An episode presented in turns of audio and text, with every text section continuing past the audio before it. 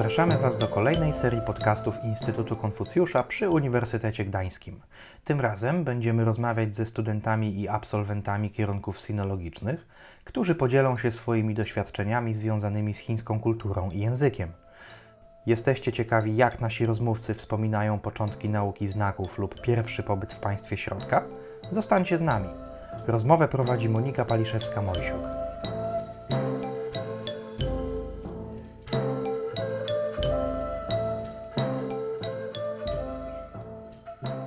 Naszym dzisiejszym gościem jest Piotr Machajek, absolwent sinologii na Uniwersytecie Warszawskim, a obecnie student Shanghai Jiaotong University. Piotrek prowadzi na Instagramie konto Sinoksiążki, gdzie dzieli się swoimi przemyśleniami na temat literatury chińskiej oraz tej o Chinach. Cześć! Cześć, witam wszystkich serdecznie. Z Piotrkiem łączymy się zdalnie.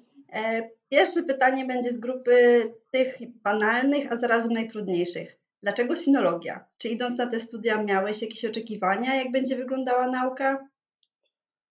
Y, szczerze mówiąc, mm, jeśli chodzi o sinologię, to miałem więcej szczęścia niż rozumu, bo y, bardzo długo nie wiedziałem, na jakie studia chciałbym pójść. Wiedziałem, że chciałbym robić coś z językami, w, ale oczywiście takie popularne języki jak angielski czy niemiecki odpadały na start i gdzieś pod koniec liceum do, w Polsce zaczęto mówić o popularności zarówno języka chińskiego, jak i w ogóle języków azjatyckich i tych takich w cudzysłowie małych języków, czyli tych niezbyt powszechnie używanych. I no szczerze mówiąc, z takiej yy, raz, że z takiej próżności zdecydowałem się na chiński, a dwa, że gdzieś usłyszałem, że, po, że ludzie ze znajomością języka chińskiego będą zarabiać bardzo poważne pieniądze w przyszłości, więc wydawało mi się, że pójdę, nauczę się i będę trzepać kasę. Okazało się oczywiście, że Chiny to nie tylko język. Tak więc, tak więc poszedłem na studia raz, że bez żadnych oczekiwań i nie mając żadnych wyobrażeń, i z jednej strony było bardzo ciężko, bardzo ciężko było mi się nauczyć języka, a z drugiej strony z każdym semestrem zyskiwałem coraz większe zainteresowanie kulturą, historią i tymi zagadnieniami. I chociaż, yy, chociaż nie jestem pewien, czy będę zarabiać ogromne pieniądze, które nie wiadomo kto obiecał mi jeszcze w czasach liceum, to jestem bardzo zadowolony ze swojego wyboru. Powiedz mi, e, kiedy po raz pierwszy miałeś okazję wyjechać do Chin? E, czy już w trakcie studiów skorzystałeś z jakiegoś e, wyjazdu stypendialnego, czy to doświadczenie zostawiłeś sobie dopiero na studia magisterskie? Może coś się już coś się zmieniło w tym aspekcie, ale kiedy kończyłem sinologię na Uniwersytecie Warszawskim kilka lat temu, to nie było zbyt wiele możliwości wyjazdu i nie pamiętam jakiejś wymiany, mm, którą oferowałby nasz wydział, jak również sama KADA nie informowała i jakoś nie, nie wspierała szczególnie e, w tym zakresie. Tak więc po studiach licencjackich postanowiłem pojechać w wakacje na miesiąc w podróż razem z moją dziewczyną, obecnie narzeczoną Klaudią. I przez miesiąc podróżowaliśmy po wschodnim wybrzeżu.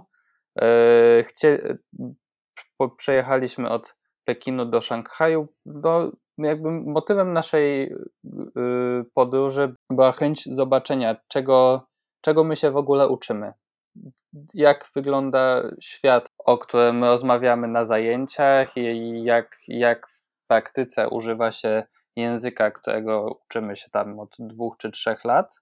Niedługo później udało mi się wyjechać na kilka tygodni z projektem Warsaw Beijing Forum.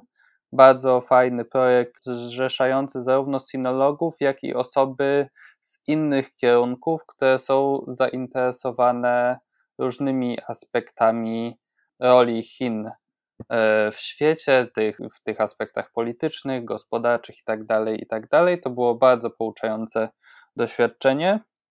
I po pierwszym roku studiów magisterskich, również na Uniwersytecie Warszawskim, wyjechałem na studia magisterskie, dostałem się na stypendium rządu chińskiego. I mm, tutaj dużo, dużo papierologii musiałem załatwić sam, niemniej jednak e, warunki tego stypendium są na tyle korzystne, że mo mogę je polecić wszystkim, którzy szukają jakiegoś sposobu, żeby wyjechać, żeby wyjechać do Chin. A jak sądzisz, e, jak duże znaczenie podczas nauki języka chińskiego ma taki wyjazd do Chin? Czy przebywanie pośród Chińczyków zmienia jakoś podejście do, do języka chińskiego, czy do tej nauki języka chińskiego?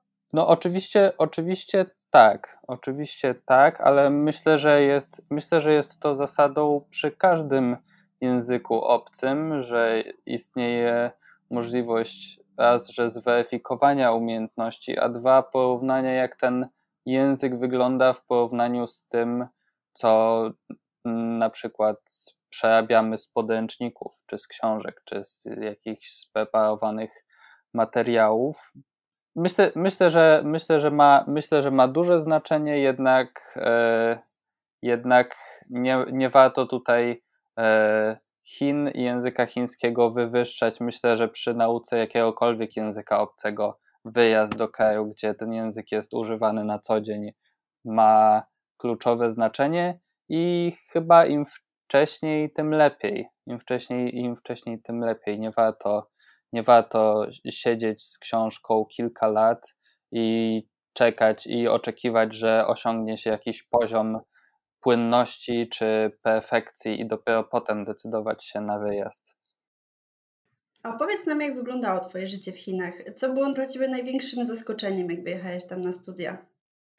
Tak więc mieszkałem w Szanghaju i e, warunki, warunki stypendium były bardzo korzystne i nasze, nasze życie w Chinach było dosyć wygodne. Również tutaj w, e, warto wspomnieć o tym takim wielkokampusowym e, życiu. Te kampusy są bliższe amerykańskim niż tym, które znamy na przykład e, z Polski.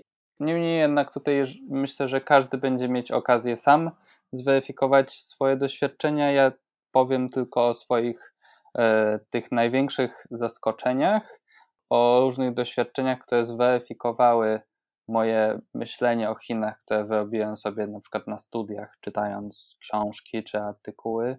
Przede wszystkim zaskoczyło mnie to, wcześniej wyobrażałem sobie, że Chiny są wyłącznie miejscem, do którego albo przyjeżdżamy nauczyć się języka, albo w cudzysłowie obskoczyć zabytki, odbyć wymianę językową i wrócić. A na miejscu zobaczyłem, że do Chin ciągną ludzie z całego świata i szukają sposobu, żeby tam zostać. I to nie tylko, e, nie tylko osoby z krajów trzeciego świata, tak zwanego, czy na przykład Pakistanu, czy Indii, ale na swojej drodze poznawałem również ludzi ze Stanów, Kanady, z Francji, również kilku Polaków, którzy przyjeżdżali na trochę, a potem stwierdzali, że lepiej im się żyje, że z, i to z bardzo różnych względów, i że chcą zostawać i nie myślą o wracaniu. Więc to było, to było zaskoczenie, że Chiny dla bardzo wielu ludzi są takim mogą stać się takim miejscem docelowym, a nie dzikim i obcym, do którego się przyjeżdża, wraca i potem opowiada historię. Paradoksalnie po przyjeździe na studia okazało się, że chińskiego używam mniej niż się spodziewałem, głównie ze względu na to, jak, jak rozwinięte jest korzystanie z y, aplikacji, za pomocą których można załatwić w Chinach dosłownie wszystko, czy czy no, taksówka, zakupy, usługi wszelkiego rodzaju, również płatności. Myślałem, że pobyt w Chinach to będzie taki nieskończony ciąg pogaduszek również przy małych jakichś usługach w supermarkecie, w restauracji itd., tak itd. Tak no a tymczasem bardzo wiele spraw można załatwić nie, mu, nie rozmawiając z nikim, więc e, tak jak powiedziałem, paradoksalnie mniej chińskiego niż się spodziewałem i chociaż i kolejna sprawa, chociaż mamy wyobrażenie, że Chiny w jakimś stopniu nie są krajem wolnym albo nie są tak, krajem tak wolnym jak nasze społeczeństwa zachodnie, to jednak y, na miejscu na miejscu doświadczyłem pewnego luzu, który w Europie nie mógłby zaistnieć. Na przykład, kiedy, kiedy szukaliśmy mieszkania w Szanghaju, to mm, po prostu weszliśmy do agencji, powiedzieliśmy czego szuka, szukamy i z dwoma agentami nieruchomości zostaliśmy po prostu, wskoczyliśmy na skuterki i zaczęliśmy jeździć po mieście. I kiedy, kiedy okazało się, że znaleźliśmy mieszkanie, w którym chcieliśmy zamieszkać, ale nie mieliśmy chińskiego numeru i nie mieliśmy konta w banku, to ci ludzie zeszli z nami do salonu, załatwili z nami numer i wzięli od nas, wzięli od nas tą, tych kilka tysięcy juanów kaucji i czynszu i wpłacili je za nas. E, to jest coś, co z pewnością nie mogłoby się wydarzyć w agencji nieruchomości w Polsce czy w jakimś innym miejscu w Europie. Po pierwsze, to, że ktoś wychodzi z tobą i poświęca ci kilka godzin swojego biurowego czasu, a po drugie, jakiś taki, jakaś taka elastyczność wobec przepisów. Czy na przykład to, że kiedy chodziliśmy z grupą po murze chińskim, okazało się, że tam nie ma, tam nie ma siatek, tam nie ma barierek. Kiedy doszliśmy do końca od, odcinka, to znaleźliśmy dziurę w takiej, takiej wieży watowniczej i poszliśmy chodzić po niestrzeżonym, po takim niezabezpieczonym odcinku muru chińskiego, który był zarośnięty chaszczami i tak dalej. Myślę, że w, myślę, że u nas w ogóle chodzenie po takim murze nie byłoby możliwe bez, bez siatek, bez znaków ostrzegawczych i tak dalej, i tak które w jakiś sposób y, no, zabijają taki luz. A takich, a takich przykładów mógłbym mnożyć i mnożyć. Tak, Chiny to jednak troszkę inne państwo i inny świat niż Polska. A powiedz, bo wszystkich nas zaskoczyła pandemia, dlatego właśnie rozmawiamy właśnie zdalnie. I tak samo zapewne było w Twoim przypadku. E, w jakim momencie studiów byłeś, kiedy zaczął się ten niepokój w Chinach? I czy zdążyłeś spakować cały swój dobytek i wrócić do Polski, czy odbywało się to jakoś tak na wariackich papierach? Y, no, w tym wypadku znowu miałem dużo szczęścia, ponieważ wróciłem do Polski na święta Bożego Narodzenia i faktycznie dużo rzeczy zostało w Chinach i byłem zmuszony pozostawać na stałych łączach z bardzo życzliwymi osobami z mojej, e, z mojej agencji mieszkaniowej, którzy spakowali te rzeczy i wysłali. Oczywiście trwało to kilka miesięcy, no ale w związku z tym, że wróciłem zanim to się przynajmniej oficjalnie e, zaczęło w Chinach, może nieodpowiednio zażartuję, doznałem się na koronawirusie zanim to było modne, czyli zanim pandemia dotarła do Polski, rozprzestrzeniła się po Europie. Sporo znajomych dzwoniło i pisało z pytaniami o moją opinię na temat y, prognoz albo tego, albo wydarzeń w Chinach, na przykład czy to prawda, że coś tam, czy, czy to prawda, że w Chinach brakuje maseczek, czy każdą wiadomość y, chcieli zweryfikować ze mną, przez to, że, przez to, że na początku zaczęło się to dziać w Chinach i przez długi czas pewnie wielu z nas myślało, że to na Chinach się skończy, prawda? Y, I, i, i, i, nie, i że to jest tylko kryzys o skali regionalnej. W każdym razie jestem już, jestem już w Polsce i y, czekam na dosłownie ostatnie pudełko z moimi rzeczami osobistymi. A jak wyglądają teraz Twoje studia, ponieważ zajęcia odbywasz zdalnie i czy jest to duże wyzwanie? Jednak różnica czasu między Polską a Chinami jest spora. I czy musisz wstawać o trzeciej rano, czy sobie trzeciej w nocy na zajęcia? Ja już nie uczestniczę w zajęciach, mimo że nadal jestem studentem, ponieważ przez dwa ostatnie semestry studiów magisterskich studenci mają skupiać się na pisaniu pracy i na tym etapie jestem i byłem też od początku tego roku, więc tutaj po raz kolejny e, sytuacja potoczyła się na moją korzyść. Mam znajomych, którzy e, wciąż studiują w Chinach zdalnie. Oczywiście, oczywiście sytuacja nie jest idealna, no, ale biorąc pod uwagę skalę przedsięwzięcia, jakim było stworzenie, stworzenie modeli do nauki zdalnej w tak krótkim czasie, wydaje mi się, że bardzo sprawnie to poszło w Chinach i osoby, które na przykład są w Europie, a cały czas studiują w Chinach, dostają, y, nie muszą uczestniczyć w zajęciach w czasie rzeczywistym, tylko całe zajęcia zostają nagrane i oni mają po prostu tydzień na zapoznanie się z, z treścią nagrania i przygotowaniem, przygotowaniem tam notatek czy zadań na następne zajęcia. W związku z czym mogą wpasowywać jakby to studiowanie w swój, mm, w swój kalendarz dnia. Jak wspominałam na początku, prowadzisz konto na Instagramie, gdzie dzielisz się swoimi przemyśleniami na temat chińskiej literatury. Skąd wziąłeś pomysł na taką tematykę?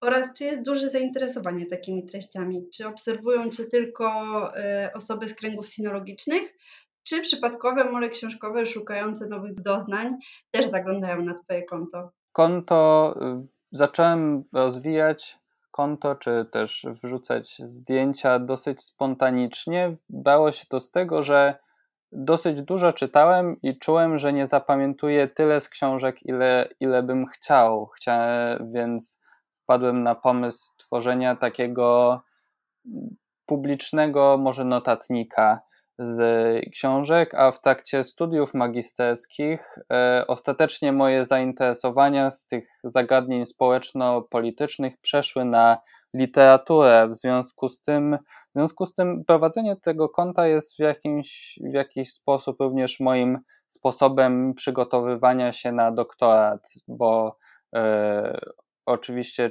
czytając tam się równolegle nie tylko czytać książki, te, te powieści z Chin, ale też rozwijać wiedzę na temat autorów, kontekstów itd., tak itd. Tak na studiach, będąc, będąc tam, to jest w Chinach, zauważyłem, że chociaż Azja stanowi połowę ludności świata, to o książkach z tamtego regionu w, naszych kręgach kulturowych, czy w Polsce, czy w Europie, wciąż bardzo mało się mówi, bardzo mało się dyskutuje i jeśli, jeśli w Polsce na przykład powiemy, że czytaliśmy jakiegoś japońskiego autora czy chińskiego, to w zasadzie, w zasadzie zaledwie garstka osób będzie się orientowała, a przecież to są, to jest ogromna część zarówno świata, jak i światowej populacji i ogromna część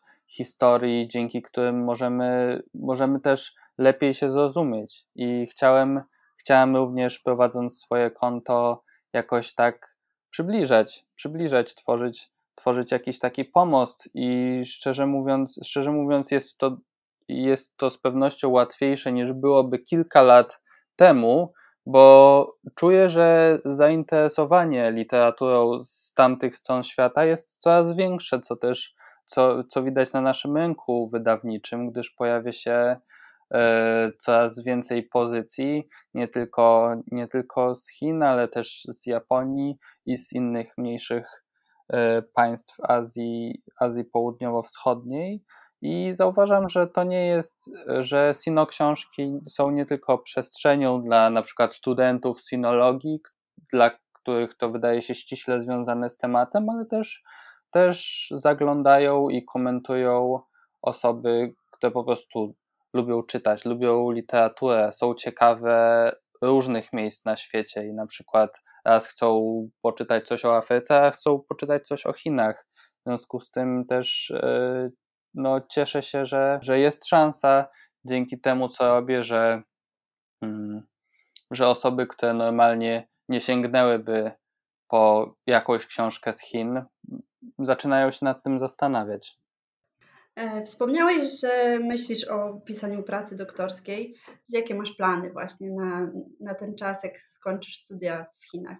Tak, chciałbym dostać się na doktora w przyszłym roku, e, ale moim, moim największym marzeniem, związanym zarówno z językiem chińskim, jak i z tą moją, e, nazwijmy to, sinologiczną drogą, są tłumaczenia literackie. Uważam to za naturalną, naturalny krok w przód i rozwój zarówno dla swojej nauki języka chińskiego i wszystkich zagadnień z tym związanych, jak również dla tego, co robię na Sino-książkach, czyli po prostu chciałbym jeszcze bardziej, jeszcze bardziej przybliżać ludziom literaturę z Chin. Myślę, że tam jest mnóstwo, mnóstwo wspaniałych głosów, których poznanie i przeczytanie e, wzbogaci, wzbogaci naszą wizję świata i myślę, że tłumaczenia są ku temu drogą, ale oczywiście, oczywiście pozostaje otwarty też na, na inne, e, inne prace z językiem chińskim. Zobaczymy, co oprócz tego przyszłość przyniesie. I tu teraz ostatnie pytanie. Jaką radę byś dał wszystkim tym, którzy chcą się nauczyć języka chińskiego? Cóż, y, szczerze mówiąc, nie czuję się w pełni kompetentny, żeby odpowiedzieć, żeby udzielać rad w tym zakresie, gdyż sam uczę się cały czas i wcale nie uważam, że świetnie posługuję się językiem, ale osobiście wierzę, że jeżeli znajdziemy sobie jakiś temat z, tej, z tych Chin, z tej chińskości, czy to będzie jakiś temat z kultury, historii, polityki, literatura, herbata, czy jakaś konkretna dynastia, czy zagadnienie, które nas, które nas wciągnie sam w sobie już poza, już poza nauką języka chińskiego, to myślę, że to zainteresowanie jest w stanie samo, samo w sobie napędzać nasz proces nauki, ponieważ po jakimś czasie naturalne stanie się, że jak przeczytamy książki o tym po polsku czy po angielsku, to naturalnym krokiem stanie się to, że będziemy chcieli korzystać ze wszelkich chińskojęzycznych źródeł na dany temat i poznawać z pierwszej ręki. I to jest, to jest sposób, żeby połączyć, połączyć język z czymś, co sprawia nam autentyczną radość, przyjemność i pobudza nasze, nasze zainteresowanie i zaangażowanie. Piotrku, to dziękuję Ci bardzo za tę rozmowę. Naszych słuchaczy e, zachęcam do odwiedzenia Twojego konta na Instagramie Sino Książki. E, I dziękuję Ci bardzo. Dziękuję serdecznie i również zapraszam na Sino Książki. Cześć.